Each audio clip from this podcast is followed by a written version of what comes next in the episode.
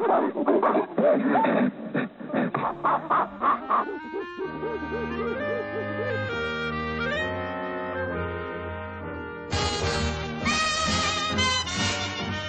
Erik Auenen skriver. Jag är en cynisk existentialist, antihuman humanist, antisocial socialdarwinist, realistisk re idealist och gudalik ateist. Jag hatar jämlikhet, tolerans, mänskliga rättigheter, politisk korrekthet, hyckleri, ignorans, förslavande religioner och ideologier, antidepressiva läkemedel, tv-såpor och dramaprogram, rapmusik, massmedia, censur, politiska populister, religiösa fanatiker, den moraliska majoriteten, konsumism, demokrati, pacifism, statsmaffian, alkoholister, tv-reklam, mänskligheten. Hej och välkomna till podden Apans anatomi med Mattias och Erik. Um, ja, vi kanske ska börja med att presentera oss. Uh, jag är då Mattias och uh, gör, kommer göra den här podden med Erik som är aktivist i Umeå i Allt åt alla och aktiv i stadsfrågor där. Um, skrivit mycket om allmänningar och varit, har sin bakgrund i punk och hardcore-scenen och jobbat med, ja, hängt på Europas alla skåtar. Det är en passande beskrivning av dig, eller? Det är en passande beskrivning. Ja, du då Mattias, eh, mm. du är en gammal räv i, i den utomparlamentariska vänstern kan man väl säga i Sverige. Eh, den autonoma varit med sen, ja, varit med sen någon gång, sent 80-tal eller så. Hållit på med lite allt möjligt. Eh, mycket antifascism men också mycket statsfrågor, precis som jag. Ja. Och vad var det här då vi började med? Var det vår programförklaring? Nej, utan eh, kanske dagens tema för den här podden. Eh, där vi tänker prata om, eh, om massmördare och skolskjutningar kopplat till kapitalism. Det är väl lite så att eh, alltså det här är ju ämnen som diskuteras väldigt mycket, speciellt när man snackar om, eh, om terror. Eh, diskuteras ju hela tiden i samtidsdebatten. Eh, man snackar ju mycket om det här, speciellt när det gäller terror så snackar man mycket om att å ena sidan om ideologiska motiv och det gäller väl framför allt när det är islamistiska dåd. Mm. Det, här, det här gäller ju framför allt självmordsdåd egentligen som vi ska snacka om. Då tillskriver man ju ofta religionen förklaringen till det här. Eh, men sen så har vi också de här vita lonersarna som massmördare som skolskjut, de som eh, genomförde skolskjutningen på Columbine eller Anders Bering Breivik som förvisso har väldigt tydliga ideologiska motiv också, men där man snarare kanske medialt eh, väljer att prata om deras psykiska ohälsa på en individuell nivå. Man pratar om det här som snubbar som mår dåligt. Och jag tänker att mm. vårt, eh, vår vilja liksom, med det här avsnittet är väl lite att snacka om eh, att dels att knyta ihop de här två ämnena, den, den, den, psykiska ohälsan och de ideologiska motiven, men också att höja blicken lite, liksom för att det finns ju olika ideologiska motiv. Vi har ju haft sådana här dåd som, som kanske har, liksom, där mördarna har nazistiska affiliationer eller islamistiska, men liksom, vi ska snacka lite mer om vad, vad den gemensamma nämnaren, tänker jag, över liksom, den enskilda ideologin. Mm. Vi har ju eh, båda läst samma teoretiker kan man ju säga. Franco Berardi Bifo som är från italienska autonomiarörelsen. Och han kom, när var det? 2015 eller när kom boken? Ja, boken... någonting sånt borde det borde stämma. Ja, boken Heroes som, eh, där han just tar upp det här ämnet.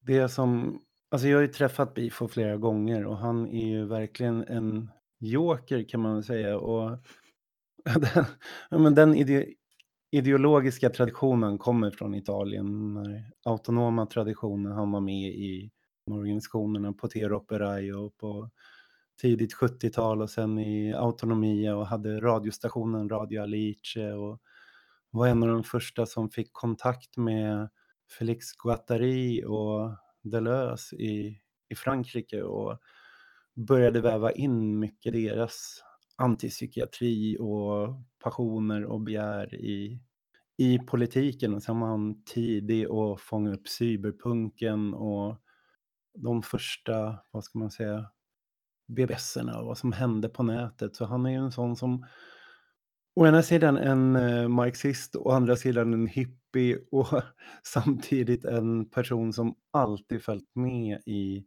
diskussionen. Och till skillnad från den övriga traditionen han är en del av som är väldigt så här, vad ska man säga, den tittar hela tiden på möjligheten att gå framåt och en rätt optimistisk tradition om eh, utvecklingen av sociala kamper. Så Bifo, han är väl manodepressiv liksom. Han är bipolär och har långa perioder när han är väldigt mörksint och sen så har han det andra där han är helt eh, exalterad över olika politiska projekt i, i samhället. Men det gör hans teori så himla mycket intressantare för han väver in det i sitt teoretiserande. Att han, han vill ju titta på vad innebär kapitalismens förändringar för förändringar för vårt, vårt psyke.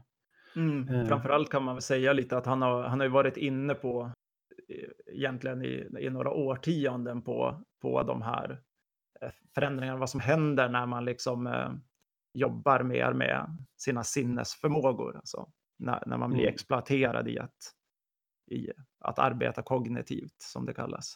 Och vad som händer med termer som alienation, till exempel när man säljer mm. sina känsloaspekter. Liksom.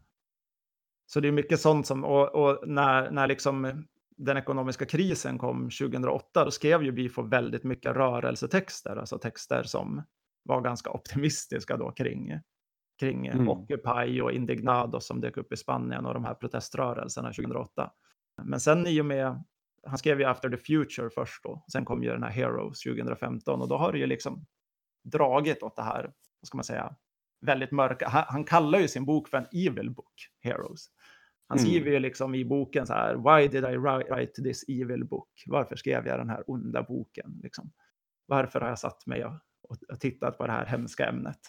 Ja, och den är ju verkligen en eh, fullträff i om man ska förstå just allt från Breivik till skolskjutningar jag, kände, jag kände väl själv när jag, när jag stötte på den här boken, jag är ju liksom kronisk optimist i, i, mm. i mitt sätt, liksom. men när jag stötte på den här boken så blev jag väldigt överväldigad av den. Dels för att jag känner igen mig en del i den, men också för att det känns som att den just bidrog med precis det som saknades i de här debatterna som vi pratade om från början i samtiden i Sverige. Vi hade ju haft då Breivik-attacken i Norge och eh, den här attacken i Trollhättan i i Sverige som mm. var en, Sveriges första skolskjutning, tror jag. Eller det var ju inte en skjutning, men den typen av, av förlopp.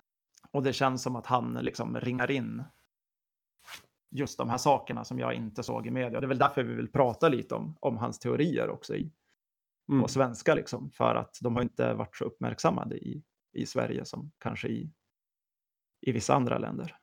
Nej.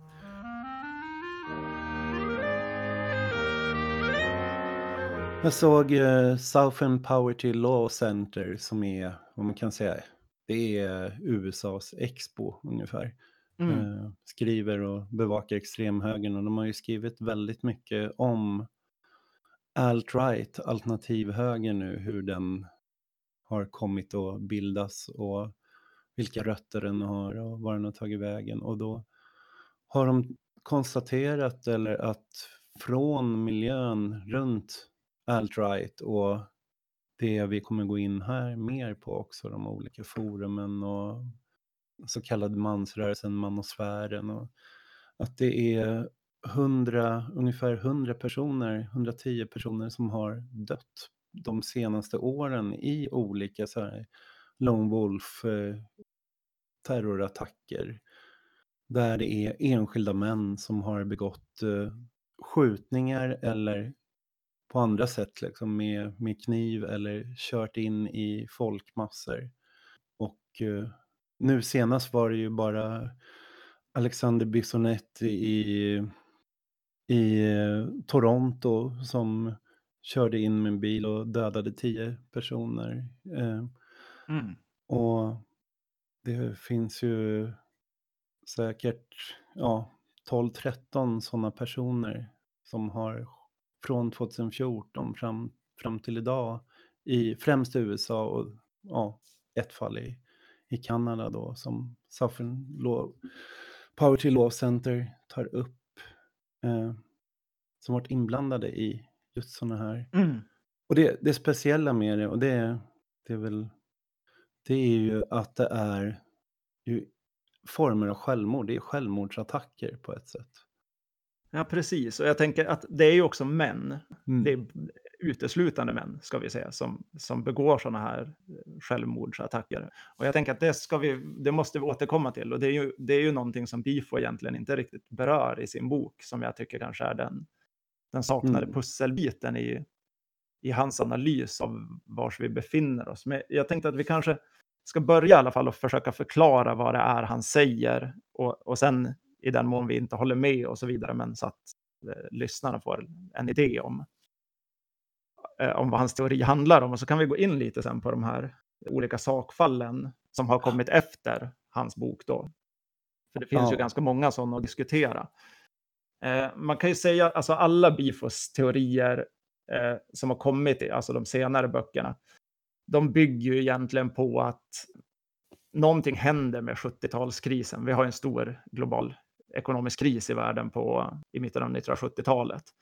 Och, och för Bifo är ju liksom 1977 det här ödesåret och det beror ju på att han är italienare och att man hade liksom en stor proteströrelse 77 som blev liksom totalt nedslagen i, i repression. Vi ska inte gå in jättemycket på den för det kommer ta alldeles för lång tid, men det, det finns någonting personligt i att han väljer 77. S- Samtidigt är det ju ganska lämpligt för att det är då punken kommer och då kommer också de här kulturella och estetiska uttrycken som, som på något sätt eh, pratar om det som Bifo också pratar om. Bifos idé är väl egentligen att efter 70-talskrisen så dör upplysningsidealet. Eh, idealet. så hela liksom upplysningsidealet som utvecklingen har byggts kring dör och eh, framtiden ställs in. Vi får Mm. en nyliberal tid som bygger på en slogan som ofta tillskrivs eh, Margaret Thatcher som var premiärminister i Storbritannien som är “There is no alternative”. Sex Pistols eh, sjöng ju “No future, God save the Queen”. Finns hela den här tematiken kring liksom idén om att så här, framtiden är inställd, det finns inga alternativ. Upplevelsen är också att samhället som kanske har utvecklats i vissa avseenden börjar monteras ner eh, runt den här perioden. Liksom. Sverige kommer det där först eh, på 90-talet snarare med finanskrisen ordentligt. Men eh, Bifo Mm. tar ju som sin utgångspunkt i, i det här.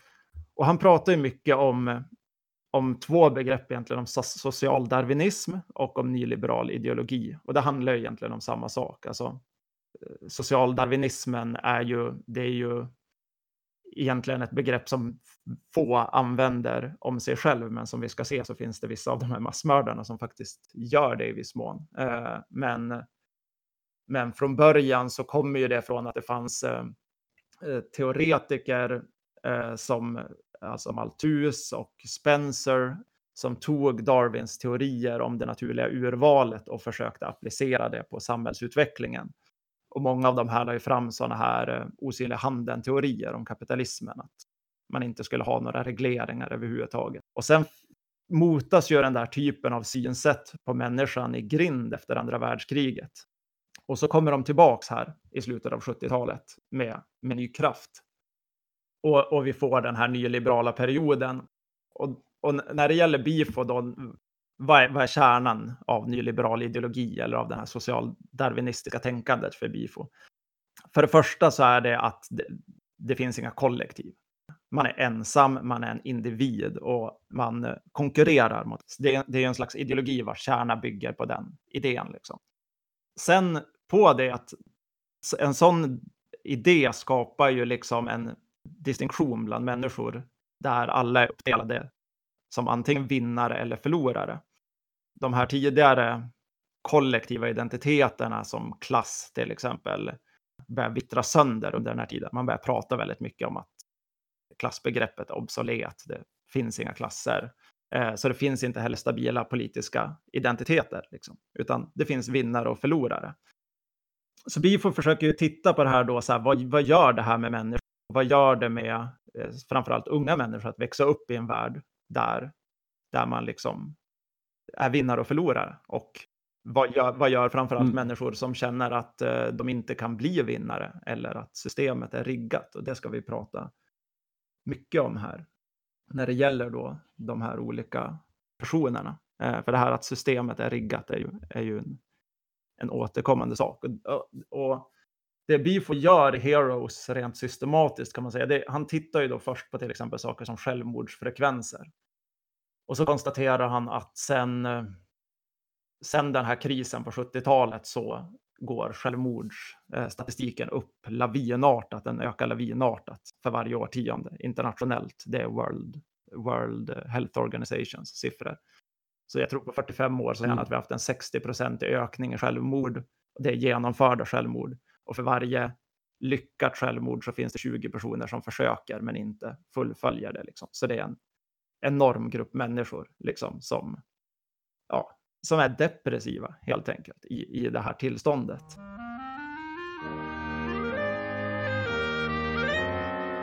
Ja, det, kan man, det mer man kan säga om socialdarwinismen i det här med det riggade systemet är ju också att det blir ett individuellt ansvar hela tiden. Att uh, det är individens som det hänger på om du lyckas, om du, om du kan ta dig ur det. Så att det, det skapar vinnare och förlorare, men det är också ansvaret är på din egna sida. Och där, alltså Wendy Brown har ju, tar ju upp mycket den där motsättningen, det resentiment det skapar. Alltså Om man ska säga, de, den bittra skadebeteende det skapar inom kapitalismen, nyliberala kapitalismen. Att å ena sidan lova att du har möjlighet att kunna bli allting. Du kan få allting, du kan klättra överallt eh, om du anstränger dig själv. Men, men å andra sidan krocka med, med ett system som inte, med, med strukturer som håller dig tillbaks. Och då blir det ju problemet att antingen måste du då erkänna att det här är ditt eget fel, att det är du som har misslyckats, att det är du som inte räcker till. Eller så får man vända det här liksom i en, eh, i en, bitterhet, ett begär, eller vad man ska säga, en, ett, oh, ett resentiment, liksom, en, mm. en, en, frustration och ilska över att det är någonting som håller en tillbaks, det är någonting som inte ger en det man lovar. Och vad är det där någonting? Och det är där som varierar liksom inom olika... Precis, det, det, är väl där man kan säga att de olika ideologiska förklaringsmodellerna kommer in som folk söker sig till för att eh, berättiga sina dåd eller, eller hittar sina svar i. Alltså det Beef har gjort i sin bok, det är ju att, och det, det är därför han säger liksom, why did I write such an evil book? Liksom. Han, har ju, han har ju suttit ner och så har han liksom tagit en lång rad sådana här exempel. Och så har han satt sig ner och tittat på vilka var de här alltså självmords alltså massmördarna som begick massmord och samtidigt självmord. Liksom. Eh, vilka var de? om de skrev manifest? Vad gav de uttryck för? För liksom, tankar och åsikter? Vad skrev de på sina Facebook-sidor och så vidare. och Så vidare. Så han har ju tittat liksom, specifikt på väldigt många cases. Liksom. Och så försöker mm. han hitta då den här liksom, generella linjen som, vi, som är det vi snackar om utifrån de här manifesten. Hans första exempel är ju James Holmes som är det är den här snubben som det var ett, eh, en ganska hemsk skjutning på en biograf i Aurora i Colorado 2012. Det var eh, biopremiären av den här Batman-filmen Dark Knight Rises. Det är den med Bane, tror jag. Mm, ja, men det, det, är lite lustigt. Det, den filmen är ju som eh, lite fascistoid i, i, sig själv. Det är ju någon slags... Eh, den kom ju liksom precis där efter Occupy och liksom Crooken är ju liksom, ja, det finns ju någon slags, eh, Ja, han blev ju en alt-right-symbol sen, Bane. Men, Ja, men eh, han, James verkar ju mer influerad av filmen innan i den Batman-trilogin där det är Jokern som är... precis. Och han, han var ju utklädd till Jokern på det här, så han gick ju in på föreställningen utklädd till Jokern, satt och såg halva filmen, gick ut genom bakdörren, hämtade vapen och så gick han in i biografen igen och så sköt han då, alltså det var 71 skadade och eh, 12 döda. Det här skedde ju, alltså Aurora i Colorado, det är, alltså det är 30 minuter från Columbine som är ett annat väldigt känt ställe i, i det här sammanhanget som då Bifo kommer in på också. I Columbine, Mm. Columbine var väl egentligen den första riktigt så uppmärksammade skolskjutningen. Den skedde ju 1999 i Littleton i Colorado. Michael Moore har gjort en film om den, Bowling for Columbine, som jag tror att Mm. ganska många i Sverige har sett. Och, och det som är intressant där är ju att alltså, James Holmes var ju liksom eh, intresserad av att liksom skriva in sig själv i, i handlingen på något sätt i de här filmerna och, och liksom få sina 15 minutes of fame. Alltså, han snackade mycket om det liksom. Att liksom det här, du vet, jag är en loser men det här är min chans liksom. Att, att synas, det är en så här, ett sätt att bli en vinnare by any means, liksom, för en person som inte har förutsättningar. Liksom. Och just för, alltså i Columbine, Eric Harris och Dylan Klebold hette ju de, de dödade 12 personer och skadade 21 personer på, gick in på, en, på sin skola då, på ja, en high school och, och sköt sina skolkamrater.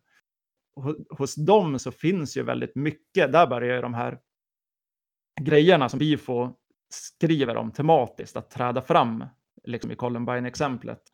Eric Harris, när han går in på, på Columbine High School så har han på sig en tröja med texten Natural Selection skrivet på tröjan. Eh, Mm. naturliga urvalet från Darwin liksom. Och han säger också, liksom, eh, bland det sista han skriver i sin dagbok innan, innan det här dådet är att eh, liksom, eh, ni gav mig all skit, ni sa alltid att jag var en loser, men eh, den här minuten så kommer jag vara en vinnare gällande då den planerade skjutningen. Så där börjar ju liksom det här, den här relationen till liksom de här socialdarwinistiska eh, tankegångarna synas i hos de här gärningsmännen själva kan man säga. Och Bifo går ju igenom en rad av sådana. Jag, jag tycker att den, den mest slående är kanske Pekka Erik Auenen som vi läste upp Ja, citatet av här i början. Han skrev ett helt manifest som han kallade för det naturliga urvalsmanifestet. Vi har tecknat av ganska många citat härifrån det. Men det är ju väldigt tydligt att, att just för Auenen, som var finne då, så, så är ju han har ju, där är ju idén så tydlig liksom, i vad han skriver. Han, han tror på det naturliga urvalet, men uppfattar sig som i ett läge där det är omöjligt att vinna i den ekvationen. Liksom. Och, och hans hat riktas ju åt alla håll, liksom, eh, som är tänkbart det som står för liksom, ett samhälle som har degenererat från den här tanken. Alltså han tror på det naturliga urvalet, men han tycker att samhället liksom har på massa olika sätt liksom, eh, gått ifrån att fungera på det sättet. Så han är ju liksom en slags nyliberal spjutspets liksom, för de här idéerna om, Mm. om liksom, vad ska man säga, osynliga handen, kapitalismen eller de, den människosynen, fast liksom i ett, i ett rent våldsdåd.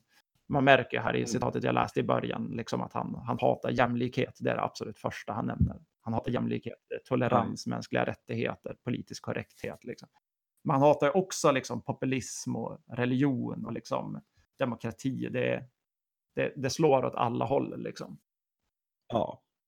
Ja visst, det är inga populistiska strömningar det här, utan det är ju elitistiska Mm. strömningar. Men det är en elit som är, ser sig själva som förlorare. Mm. Det är ju inte så att de ser sig själva riktigt som ståendes över alla andra, utan det gemensamma draget i de här manifesten som Bifoli plockar fram är ju att det, de slår neråt för att slå uppåt, så att säga. De Mm. riktar sig inte in med attentat mot makten eller det de riktigt ser som eliten, utan att slå mot skolelever eller slå mot de mest utsatta eller de eh, som ses som de svagare i samhället från en, en person som också upplever sig som kanske svagare, inte i svagare bemärkelsen eh, identifiera sig med dem som man gör attentatet mot, utan snarare att han borde kunna levla, stiga över de här personerna, Mm. misslyckades och hölls tillbaks. Och nu slår han tillbaks mot vinnarna genom att ge sig på deras svaga, liksom deras småsyskon, barn eller de, Mm. de oskyddade.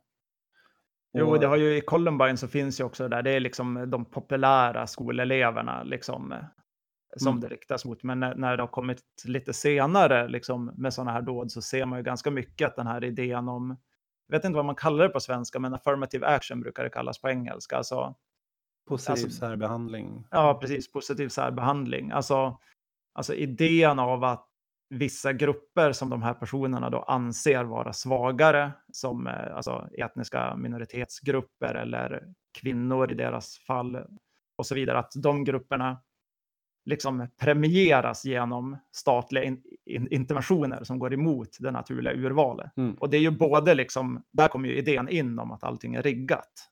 Det är därför Mm. det inte går att klättra, för att det naturliga urvalet är satt ur spel. Liksom. Men de blir också ofta måltavla och det kanske är det som framförallt var synligt här i, i Toronto-dådet nu. Några Ja. veckor sedan med incel-snubben. Att, Ja, Alec precis. Minassian. Ja, men, men där har vi ju liksom den här, alltså som jag förstod det så, så han var ju ute efter att specifikt liksom köra på en grupp unga tjejer. Liksom. Mm. Var liksom eh, eh, måltavlan på något sätt för hans ofrivilliga celibat.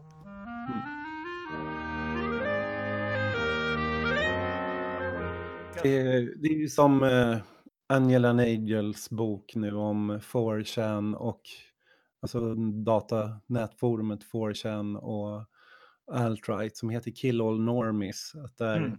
där normies, de eh, normala eller de behöver inte vara de framgångsrika men det är ändå de som gynnas av det här systemet som inte har det riggat emot sig. Liksom. Ja, precis. De som kan leva det, det bra, goda, eh, vackra livet. Liksom. Det är de man ser som, som fienden.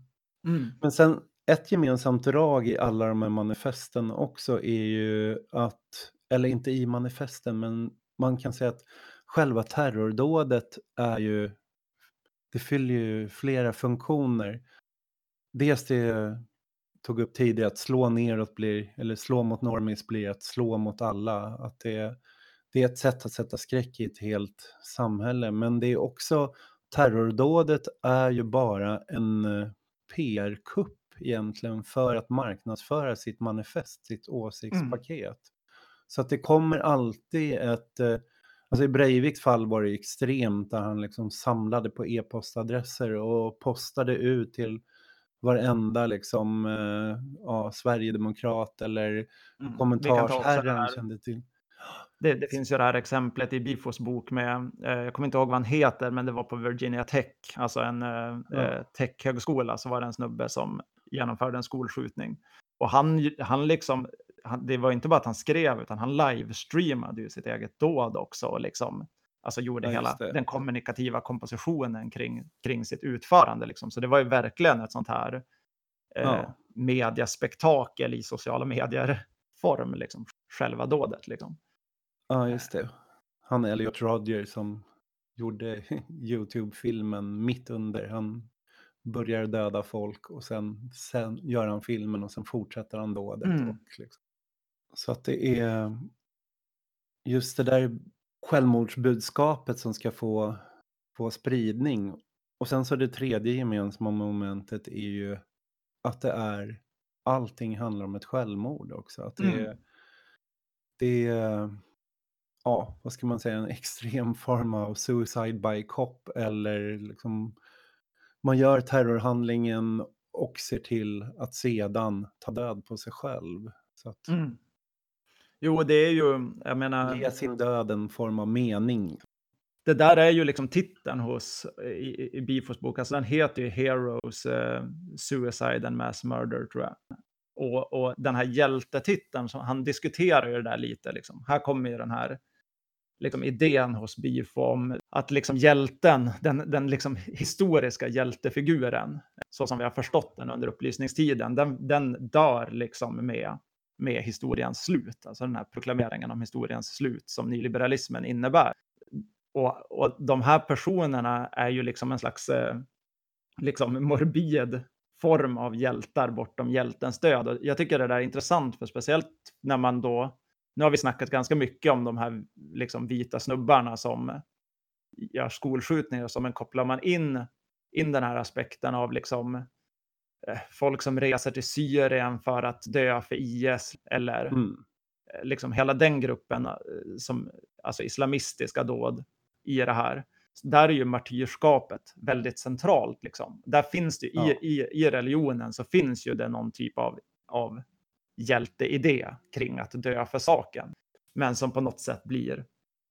Man kan ju säga att alltså där kan man inte negligera att, att det finns liksom en öppning för det i det religiösa budskapet. Men det är ju intressant att det kommer först, alltså den typen av terrordåd tar form först under den här liksom, eh, politiska ekonomiska eran. För att de här självmordsdåden, även de islamistiska, kommer ju liksom under de här årtiondena parallellt med att, att just fenomenet skolskjutningar till exempel börjar existera. Liksom.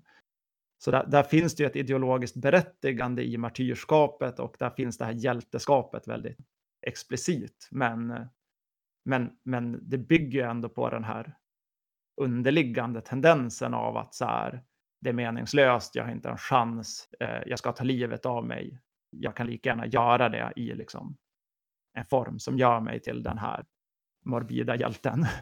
Mm.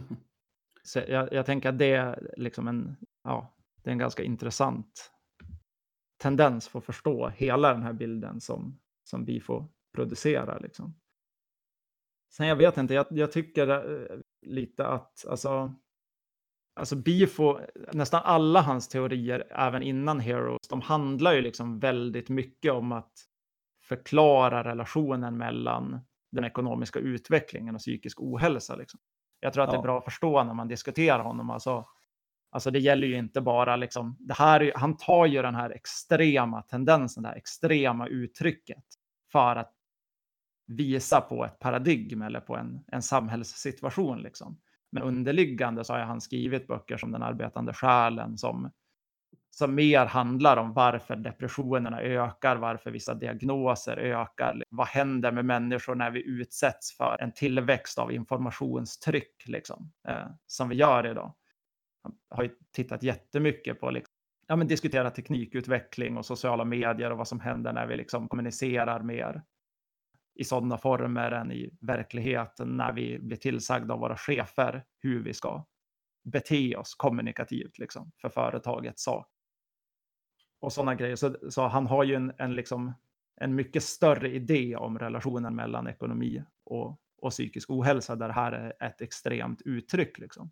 Och jag tror att, att det som gör, gör att jag håller med Bifo, eller känner igen mig så mycket i hans teorier, det är ju att det är de här underliggande budskapen av vad som har hänt sen typ smartphones kom och liknande. Ja. Så här, den accelerationen av information. Jag känner ju igen mig i det. Att, liksom, ja, hela och... sociala media har ju liksom accelererat den möjligheten också att, att kommunicera ut sin... Jo, Jo, dels att kommunicera ut den, liksom, men också att må dåligt på grund av jo, så här, jo. den här överväldigande situationen. Liksom, att man, jag menar, jag bruk, för mig är det lite så här, ja, men för hundra år sedan i Sverige så bodde vi på små jordbruk fortfarande liksom, och träffade kanske 20 mm. personer på ett år. Nu har mm. man alltså, potentiellt tusentals människor man ska interagera med. Jag tänker att för det, det tar sig massa olika uttryck liksom, som han har teoretiserat väldigt bra. Sen, sen gällande just de här skjutningarna och så, liksom, jag, jag har ju mycket polare som har varit punkare, liksom, precis som jag, som känner igen sig otroligt mycket i de här personerna. Även om man inte liksom har varit så här, vad heter det, megaloman, alltså Mm. har det här storhetsvansinnet och liksom de här psykopatiska tendenserna som liksom blir extrema i alla de här fallen som faktiskt begår massmord. Den här idén om att vara en outsider och att hata normisarna på sin skola och allt det där, det, det mer vardagliga av vad typ Eric Harris och Dylan Klebold skrev om i, i Columbine, liksom, det är ju hög igenkänningsfaktor på det. Liksom. Tänker att det var därför vi Ja. sökte oss till, till punkscenen en gång i tiden. Var för att vi var exakt sådana personer som bara hatade alla våra klasskamrater. Eller, det, det är så starkt uttryck, men, men så här, vantrivdes med de normala, kände oss onormala. Liksom. Mm. I det fallet hitta en gemenskap som representerade det. Liksom. Sen tycker jag Bifos bok är ju intressant för att han, eh, han identifierar ju någonstans eh, den formen av eh, högerpopulism och högerextremism som växer fram och kopplar det till, till kapitalismens förändringar som, som en både, vad ska man säga, föl, resultat av och reaktion på den nyliberala socialdarwinistiska utslagningen på marknaden. Så att den är Mm. både, både resultat men också mot, motreaktionen. Och där att eh, svaret på den här allt hastigare, vad ska man säga, liksom gränserna öppnas upp, eh, produktionen flyttas ut, eh, kapitalrörelserna blir globala, marknaden når överallt, så skapar det en stor rädsla hos de som lever prekärt och hotas av utslagning. Att man, eh, det finns en rädsla för att falla och svaret blir en så aggressiv, eh, om det där är en deterritorialiseringsuppöppnande process så blir en svaret en aggressiv reterritorialisering, att gränserna återinförs, murar byggs, skillnader betonas och det blir en jakt på identiteter och tillhörande som kan ge skydd. Och där säger han att men det är den här identitära tillhörigheten, det, det är ingenting man kan utgå från, någonting, eh, hur mycket det än liksom i varje identitet, identitär liksom motivering hävdas att ja, men det här är vår gamla identitet, så är det ändå någonting som måste skapas och det kan inte skapas på något annat sätt än aggressivitet mot, mot den andre. Och så han, han trycker mycket på den här identitära strömningen, en vad man ska säga identitetspolitisk höger. Och allt det här gör han innan alt-right har slagit igenom. Mm. Här, boken kom ju innan Trumps valseger och innan alt-right, innan, innan Gamergate, innan ehm, um, 4chan-forumen forumet blev liksom riktigt uppmärksammat och därför är ju eh, Angela Nagels bok, den här Kill Or Normies, är ju som en så här bra fortsättningsbok att läsa. Att de här böckerna passar som hand i handske i varandra. För hon, hon ger ju ingen riktig djupare förklaring till det. Hon beskriver ju bara fenomenen så att säga utan att gå in på att koppla dem till någon form av samhällsomvandling eller samhällsutveckling, hur Mm. kapitalistisk utveckling. Men Bifos bok slutar ju, han, han gör ju rätt observationer som sen nu verkligen har vi nytta av den boken för att förstå det som sker nu. Mm. Och samtidigt är ju Bifo väldigt eh, depressiv i sin egen slutsats. Liksom. Eller, Jo, han har ju svårt att hantera slutsatsen av, av sina egna teorier och vet ju inte riktigt vars han ska ta väg med dem. Och det är ju det är väl kanske där man inte håller med honom för att det blir liksom inte, han han kan liksom inte uppbåda den här, det, det Mm. konstruktiva, att så här ta sig vidare bortom sina grundobserveringar. Liksom. Eh, det har ju märkts i hans textproduktion efter den här boken också. Men jag, jag tänker lite att så här, eh, jag sa i början att alltså, det här med manlighet, liksom. Tänker att vi ska gå in på det lite. För att det, Ja. det, Bifo snackar ju inte så specifikt om det, men jag tänker att du tangerar det när du kommer in lite här på, ja, på Trump-grejerna och ja, vi snackade om hur rasismen kommer in i det här och, och de här idéerna om hur naturligt urval upphävs av affirmative action. Men det är väldigt tydligt att alla de här, oavsett om det är IS-martyrerna eller skolskjutarna och så vidare, är, är killar. Liksom. Och där finns det ju liksom en, en väldigt stor och intressant diskussion kring, kring det här. Eh, du kallar det för detorialiserande, tror jag, av liksom hur man upplöser gamla identiteter. Jag vet inte om du har någon tanke riktigt kring det där, vad du tänker att det beror på? Att, att det liksom är just eh, män och att det är manligheten liksom som... Ja, alltså jag har ju tittat på de här mansrörelserna och så och det är ju ända sedan tidigt 90-tal när jag läste Susanne Falodis bok Backlash. Hon kom tio år efter Backlash släpptes, släpptes sen den i nyutgåva och då skrev hon ett nytt förord till den. Och då hade hon samtidigt släppt den här boken Ställd som handlade om manligheten och manlighet i kris. Mm. Där man kan se att de här olika mansrörelserna som har kommit har inte riktigt samma ideologiska grund utan de kommer i, vi kan se en våg som kommer i slutet av 70-talet med Reagan och Moral Majority och som handlar om att slå tillbaks och reagera mot 70-talsfeminismen och kvinnans frigörelse, den sexuella revolutionen och p-pillret och allt sånt som är mycket mm. mer tillbaka till familjen, konservativa ideal. Men sen kommer en senare revolt som, eller var en senare backlash, en senare motreaktion. Den första är tillbaks till familjen och den andra eller hon skriver ju mycket om bland annat hur också det riktas mot nyliberala kvinnor, kvinnor som gör karriär, att det är liksom att skildra dem som olyckliga och de har valt karriären framför barnet och familjen och de mår ju faktiskt inte bra av det här. Men eh, tio år senare så diskuterar hon att det har kommit en, en våg av mansrättsaktivism som eh, pratar precis som feministrörelsen, är identitetspolitisk på det sättet att den, den betonar mäns utsatthet och att eh, precis det som Susan Falodi tar upp istället, liksom att eh, vi måste se att bland vinnarna i samhället så är det män i toppen, men bland förlorarna i botten så är det också män. Att det är män som oftast drabbas hårdast, liksom slås ut i i skolan, eh, drabbas av våld.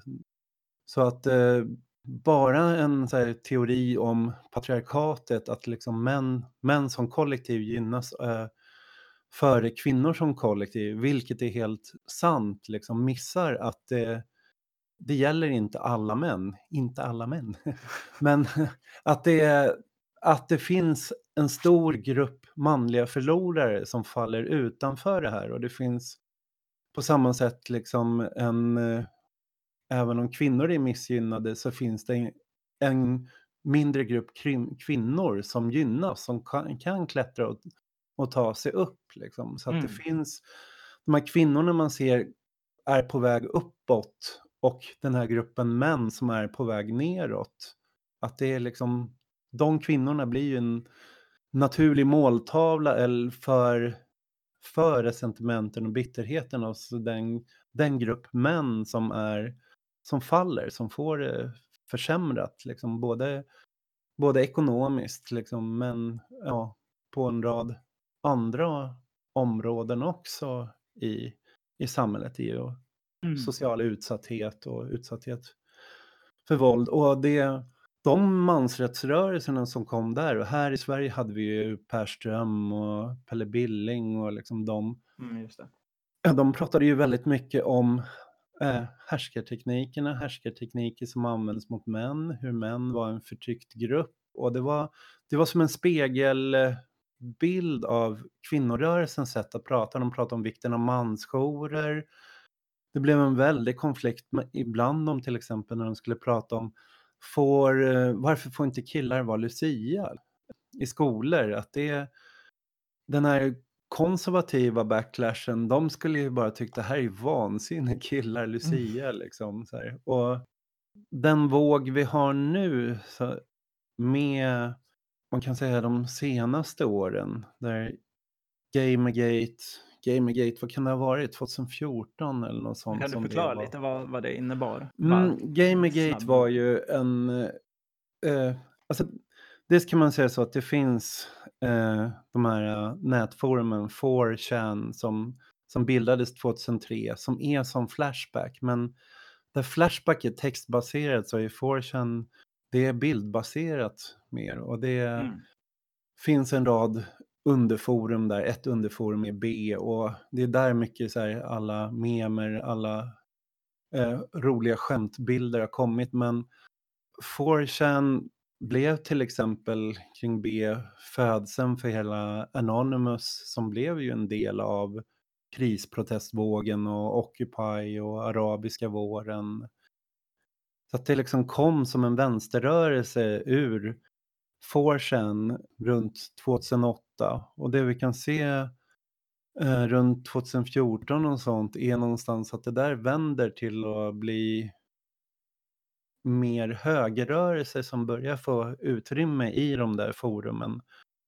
Men också den nya mansrörelse då som kallas manosfären som är väldigt fientlig till den här Per Ström-mansrörelsen där de tycker att det är inte riktiga män eller det de håller på med och tjatar om jämställdhet, att män är förtryckta är liksom helt fel väg att gå. Mm, Det här, det här är lite mer så här Jordan Peterson-grejen och det som kanske Alexander Ja. Bard håller på att importera till Sverige. Eh, Mm, men den är också väldigt så här, manosfären då, den har ju dels de som försöker se sig själva som hur ska vi bli, alltså grunden är liksom det finns en biologisk skillnad, det är inte, och det tryckte inte liksom Pelle Billing och Perström och så, så mycket på på det sättet. Liksom. De betonade mer sociala roller.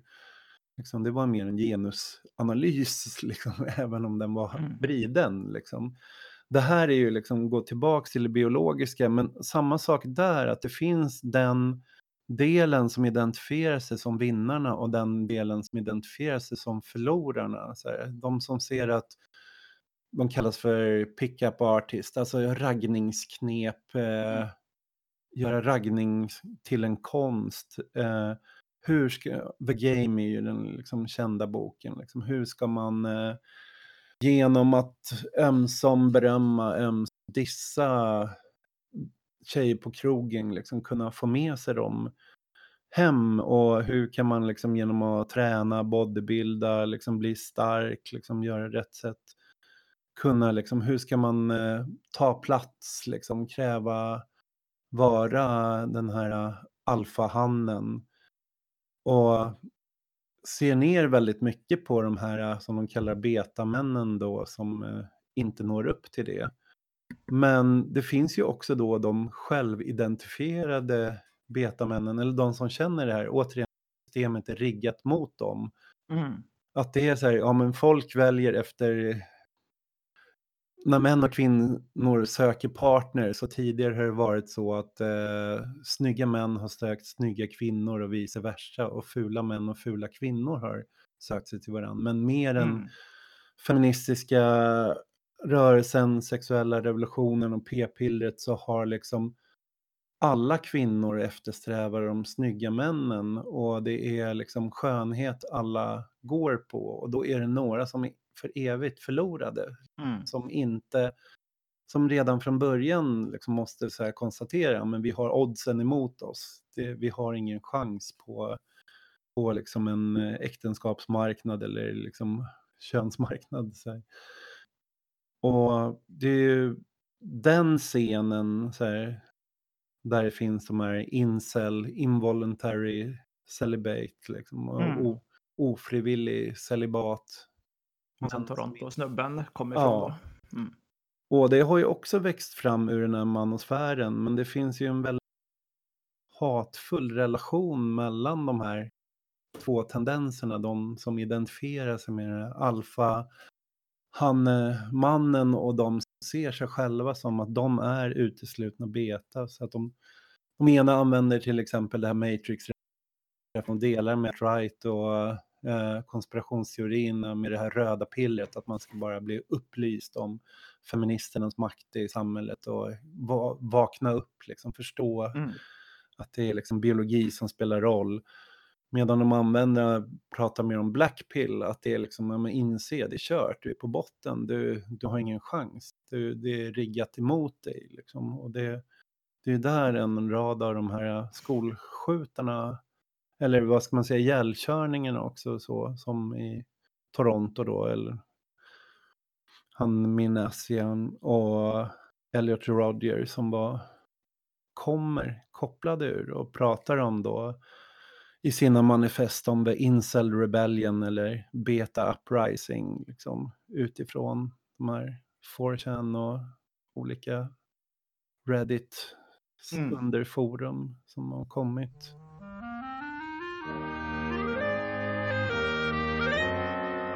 Och där är ju, är- där är ju igen, är vi inne på lite det här att, att vi har liksom en detalj, en ideologisk detaljorsak liksom. Men att de här underliggande tendenserna liksom, var, hur skapas de här grupperna i, i den ekonomiska strukturen? Vad, vad är gemensamma drag mellan deras specifika ideologier som vi får prata om? Det Mm. blir väldigt tydligt just med de här incel-grejerna igen, tycker jag. Eh, sen finns ju den där antifeminismen till exempel hos eh, Bering Breivik också, så att Ja, Eh, Men jag, Och jag det- tänker att ja, det, det, det är intressant här liksom för att alltså man vill ju gärna ha liksom någon idé om, om så här, hur man ska svara på de här tendenserna Mm. och de här sakerna. Liksom. Eh, och jag tänker att det är ganska svårt. Bifo ger ju inte sådana svar. Nej. Eh, Jag tänker innan vi går in på svaren så Mm. jag skulle väl bara säga en grej till. Mm. Det är ju vad alternativhögern, alt-right, har för roll i det där.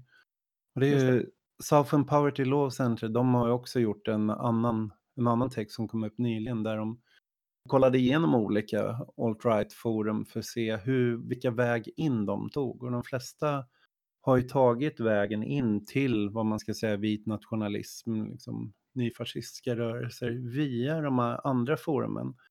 Men där, där här nyfascistiska strömningarna betonar ju liksom styrka, eh, de är alfamännen, de är de lyckade och de andra är så att säga de förlorade utsatta så har det någonstans blivit en brygga däremellan genom det här behovet då av manliga förebilder, manliga guider liksom, ska rikta sig Mm. till de här eh, losermännen, förlorarmännen som ingen annan riktar sig till på olika sätt.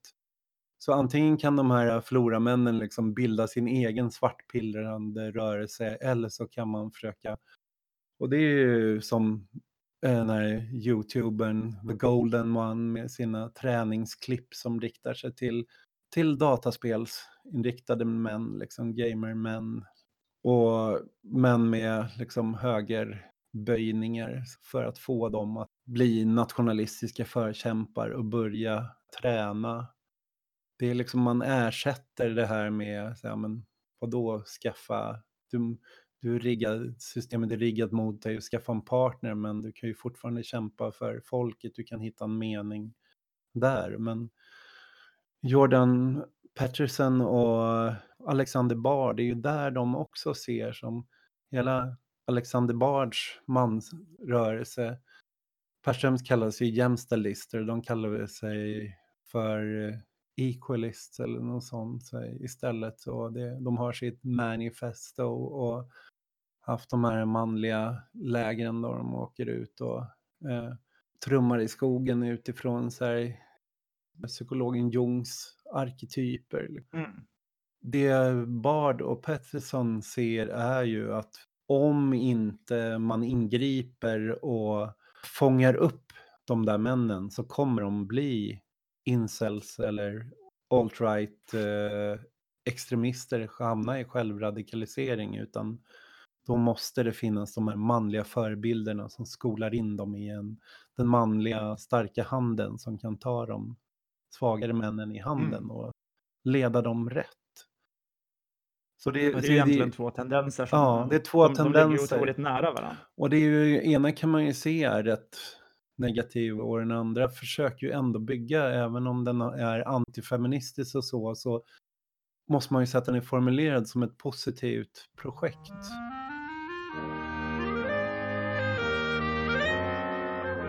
Om vi ska komma in i liksom vad, vad har radikala sociala rörelser då erbjuda som är för slags projekt för de som hamnar ja, på kant i det här samhället? Det är ju inte lätt. Alltså, jag, tänk, jag tänker att det som gör mig liksom... Eh, alltså det, det, man kan se med de här tendenserna vi har snackat om nu, det är ju att på, på något sätt så, så förstärker ju de eh, liksom den här grundideologin, alltså eh, den här eh, samhällsriktningen liksom, som vi problematiserar. Liksom. Jag, jag tänker att så här, det enkla svaret eller det abstrakta svaret är ju så här att om, om mycket av de här tendenserna beror på, på liksom utslagning och konkurrens, ensamhet, darwinism, att det är någonstans där i sambandet finns, så är mm. ju det samhälleliga svaret måste ju liksom vara att röra sig i motsatt riktning. Liksom. Och jag är ju väldigt kritisk till att den, det svaret finns i att återupprätta de kollektiv som har, alltså jag menar, om vi tar till exempel, vi, vi snackade om att kapitalismen har detor, detor, ja, du får förklara det här begreppet, men jag kan inte, jag kan inte ens uttala det. Men, men att liksom kapitalismen har upplöst vissa av de här gamla kategorierna och så. Det är ju lite förenklat liksom, för att det som snarare hände är ju att vi hade alltså massiva sociala rörelser som till exempel kvinnorörelsen som utmanade alltså dåtidens patriarkala strukturer på samma sätt eh, hade vi antikoloniala kamper som utmanade det koloniala systemet. D därför hade vi också den här stora ekonomiska krisen på 70-talet. Och det här var kapitalismens svar mm. på dem, de situationerna. Liksom. Så hela den här idén om att liksom återupprätta den typen av, av samhälle, alltså att blicka bakåt egentligen, mm är jag väldigt kritisk till. För jag tänker att den, den ordningen byggde ju på massa eh, strukturella förtryck som vi inte vill ha igen. Liksom.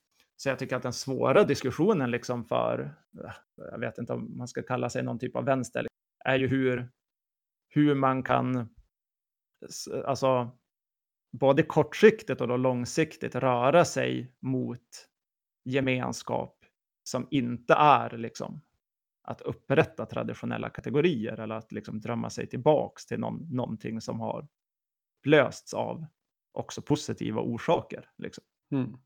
Som resultat av, av kamp. Jag tänker på punkscenen är väl ett sånt tydligt exempel på där många personer som har varit utanför eller inte känt att de har passat in någonstans har liksom hittat sin gemenskap av freaks. Mm. Freddie Wallings Cortex gamla råd för freaks. Men att det har varit, eh, ja det har behövts en, eh, en position och den har ju också varit lika mycket eh, like, antinormis på det sättet. Men mm. ändå varit så här att men här kan du vara annorlunda, här kan du det obehagliga är ju bara att det är högern som har haft de här forumen nu där där du kan vara annorlunda och göra dina avgränsningar. Det är ju lite intressant för att i alla fall i liksom den utomparlamentariska vänstern som jag och du kommer ifrån så hade mm. man ju någon typ av process i slutet av 90-talet och tidigt 00-tal där man liksom eh, gjorde upp med de här kopplingarna mellan subkultur och, ja. eh, och politisk miljö. Liksom, eh, och man fick eh, de här, vi kallar det för casual identiteter, liksom, typ att folk ja. började så här klä sig som vanligt folk och skulle bete sig som vanligt folk. Liksom. Ja. Eh, vilket är ganska ironiskt för att det är så här, det är ganska mycket känslan för mig med vänstern att så här, man har sysslat med saker som har varit någon slags, det har varit av, avantgardistiskt. Liksom. Ja. Att punken var avantgardistisk. Då gällde den här gruppen som kände sig utanför och som liksom fann den gemenskapen var en ganska liten grupp i förhållande till fortfarande det här stora blocket av en, av en majoritet som liksom eh, kände sig som, som de normala och kände sig funktionella.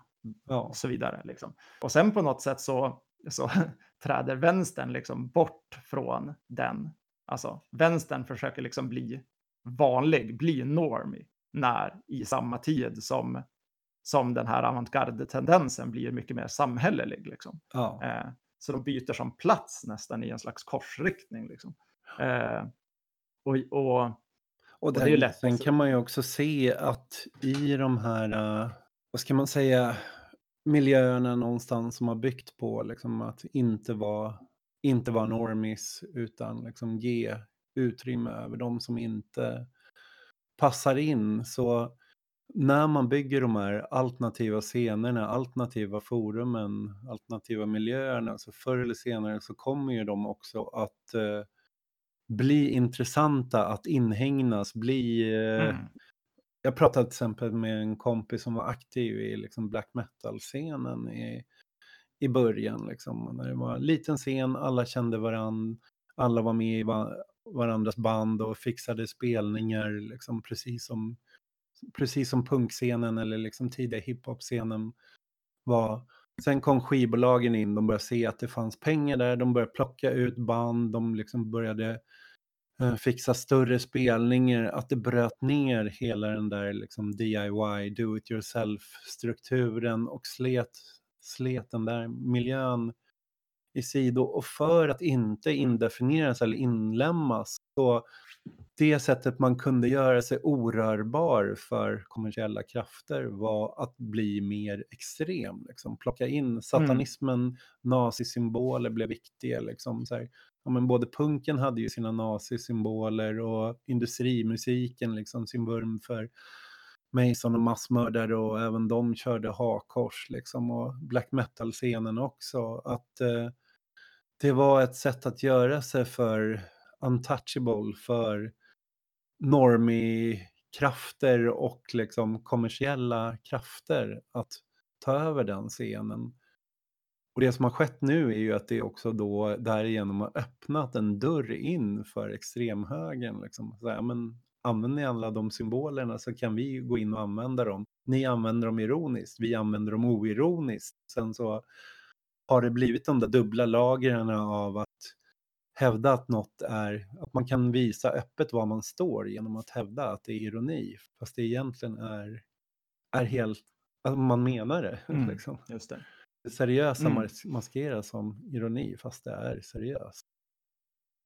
Nej, och du har ju helt rätt liksom i, i att det är en process som kommer liksom lika mycket utifrån som inifrån. Jo. Jag har ju upplevt den liksom i, som, som engagerad i, i punksvängen också, eh, på exakt det sättet jag tänker att så här, jag menar för mig, det är så lätt för mig att ändå tänka så här, ja men det är svaret för att jag kommer från den bakgrunden och, och har liksom någon slags känsla av att ha blivit räddad av att bli upplockad av en punkmiljö. Från att bli en jävla galning liksom. Mm. Men man befinner sig i en situation där det är lite svårt att tänka sig exakt hur sådana gemenskaper ska upprättas. Och det, där, kan, där blir det också kontraproduktivt att bara blicka tillbaks liksom, och just inte se de här sakerna som du ser. Så här, varför trängs, trängs de här subkulturerna in i ett sånt hörn? Liksom? Varför skiftar momentumet? Att, att det är helt rätt att så här, det måste man ha med i analysen om man ska hitta framåt. Liksom. Mm. Sen tror jag ändå att så här, vänstern måste liksom hitta alltså, konkreta sätt att skapa de här typen av, av experiment och gemenskaper och liksom kollektivitet som inte är eh, det här traditionella politiska arbetet utan som, som är eh, berörande eh, och fångar upp folk i det här. Men jag, tror att det jag har tagit med mig mycket av BIFO, det är ju att, att också se de här, just de större samhälleliga tendenserna. Liksom. Att inte så här, tänka så här, hur ska man få en nasse att sluta vara nasse? Liksom? Eller hur ska man få den här snubben som är misogyn att sluta vara misogyn. Att inte bara fastna i så här, de specifika grejerna utan att, mm. att liksom se de här större mönstren av kapitalismens utveckling och dess skapande av psykisk ohälsa. Mm. Och som jag tycker kanske är ett mer intressant, så här, det är jättesvårt att tänka sig, men det, det är mer intressant så här, att tänka sig så här, vad, vad skulle hända om så här, saker verkligen började ta form kring det, den subjektiviteten. Mm. Jag tycker utvecklingen kring 4chan är ju ett visar ju inte bara på negativa sidor utan även Anonymous kom ju därifrån och mm, att det är samma forum som skapade en radikalisering åt höger kan skapa en radikalisering åt vänster, men det bygger ju på att det ska finnas någon form av konflikt, någon form av aktivitet, liksom en ockupationsrörelse eller någon form av konfrontativ fråga som, och när den uppkommer så är, kommer det återspegla sig även i sådana nätforum och även folk som kanske inte hittar någon gemenskap någon annanstans kommer ju söka sig till sådana rörelser så man vet varje skott eller varje liksom, torgockupation eller varje sådant projekt hur mycket skeva existenser som dyker upp där som eh, någonstans blir bra folk av i aktiviteten så att säga. Men de, eh, Mm. de har inte kommit egentligen av ja, kanske genomtänkta ideologiska motiv alltid, utan mer sätt att här sker någonting, här finns det någon form av sammanhang. Mm. En grej till som man väl kan eh, säga väldigt klart, det är ju att så här, att mycket av de här sakerna, det här med vinnare och förlorare och socialdarwinismen igen, liksom, Mm. att vänstern spelar ju lätt in i den fällan, alltså formerar sig som en, som en vinnarröst som försvarar sig på det sättet och som liksom inte eh, tar itu med att se de här underliggande eh, ämnena. Och jag tänker att så här, det kan man också ha hjälp av att läsa Bifos bok, att liksom börja förstå så här hur, Mm. hur positioneringar sker i debatter och så vidare som bara där vänstern kan vara en part i att underblåsa liksom att föreslå till exempel lösningar som kanske kortsiktigt ser ut som ett bra sätt att hålla tillbaks att det ska ske fler terrordåd eller att eh, vissa typer av rörelseuttryck som känns regressiva ska växa, men som i själva verket är formulerade på ett sådant sätt att de underblåser de här socialdarwinistiska tendenserna av att liksom människor är individer som konkurrerar. Mm. Och om man presenterar sådana lösningar och positionerar sig på det sättet, då kommer man hela tiden förvärra problemet och, och liksom alienera personer som, som upplever världen så här från sig själva och liksom bara fortsätta i en sån spiral. Liksom. Så jag tänker att så här, där kan man hitta någonting i BIFO rent så här, som mer har då att göra med ja, Mm. hur man förstår världen och hur man positionerar sig i den, hur man positionerar sig i, i förhållande till alla de här sakuttrycken. Som, som jag tycker känns väldigt konstruktivt. Liksom. Mm. Ja, vi kanske är ett bra ställe att avsluta med de resonemangen. Eller är det någonting mer du tänker vi borde ha tagit upp? Jag är nöjd. Jag skulle Mm. gärna fått spela upp eh, Stranglers och Pixies och Sex Pistols och Talking Heads och Ja. Misfits-låtar. Men det är de jävla copyright-lagarna så Ja. vi får... Ja, man kan inte lägga på det soundtrack man vill. Det, Nej. Det, det finns ett givet soundtrack, men vi får väl avsluta där för Mm. idag och ja, får, återkomma så snart som möjligt. Ja. och vi får se att det här var vår pilotavsnitt, att vi, vi testar lite och ser hur, Mm. hur det funkar. Den här podden ska väl egentligen... eh, Vi, jag menar, vi tangerar ju allting sånt, speciellt nu i slutet. Eh, Men vi ska väl framför allt diskutera eh, alltså, rörelseteori och rörelseuttryck som vi ser i Sverige och andra länder. Som vi försöker liksom, diskutera hur vi hittar vägar framåt genom Mm. sådana exempel. Liksom. Ja, och gärna Eh, med personliga titta- exempel och erfarenheter. Mm. Det vi har jobbat med och sysslat med.